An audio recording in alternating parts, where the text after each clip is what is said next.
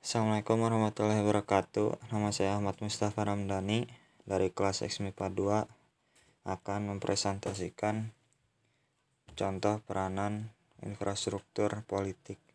Yang pertama, partai politik berpartisipasi dalam sektor pemerintahan, melakukan pengawasan terhadap kebijakan para pemegang otoritas, menafsirkan kepentingan melalui isu-isu politik bagi masyarakat.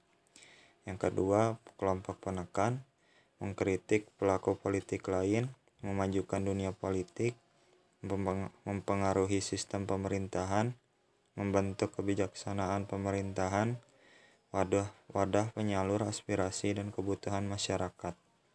Yang ketiga, media komunikasi politik membantu menyusun memori publik dan arsip dengan menyampaikan informasi kepada masyarakat, menyusun agenda politik dan kepentingan umum masyarakat, sebagai penghubung dengan kelompok di luar, menjadi fasilitator politik, membantu melaksanakan sosialisasi pribadi masyarakat dalam hal politik, membujuk, membujuk halayak untuk menemukan kelebihan dan pesan-pesan politik.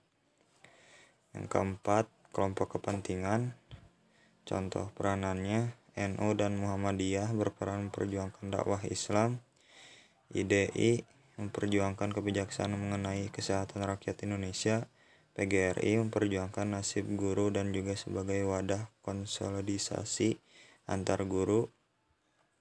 Aksi-aksi demo masyarakat menuntun penurunan harga BBM atau biaya pendidikan.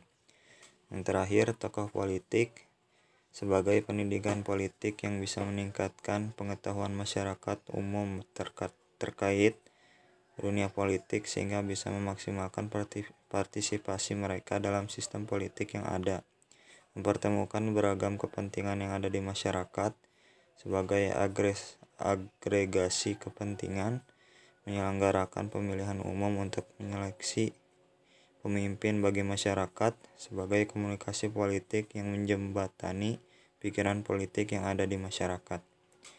Terima kasih. Mohon maaf bila ada kesalahan. Wassalamualaikum warahmatullahi wabarakatuh.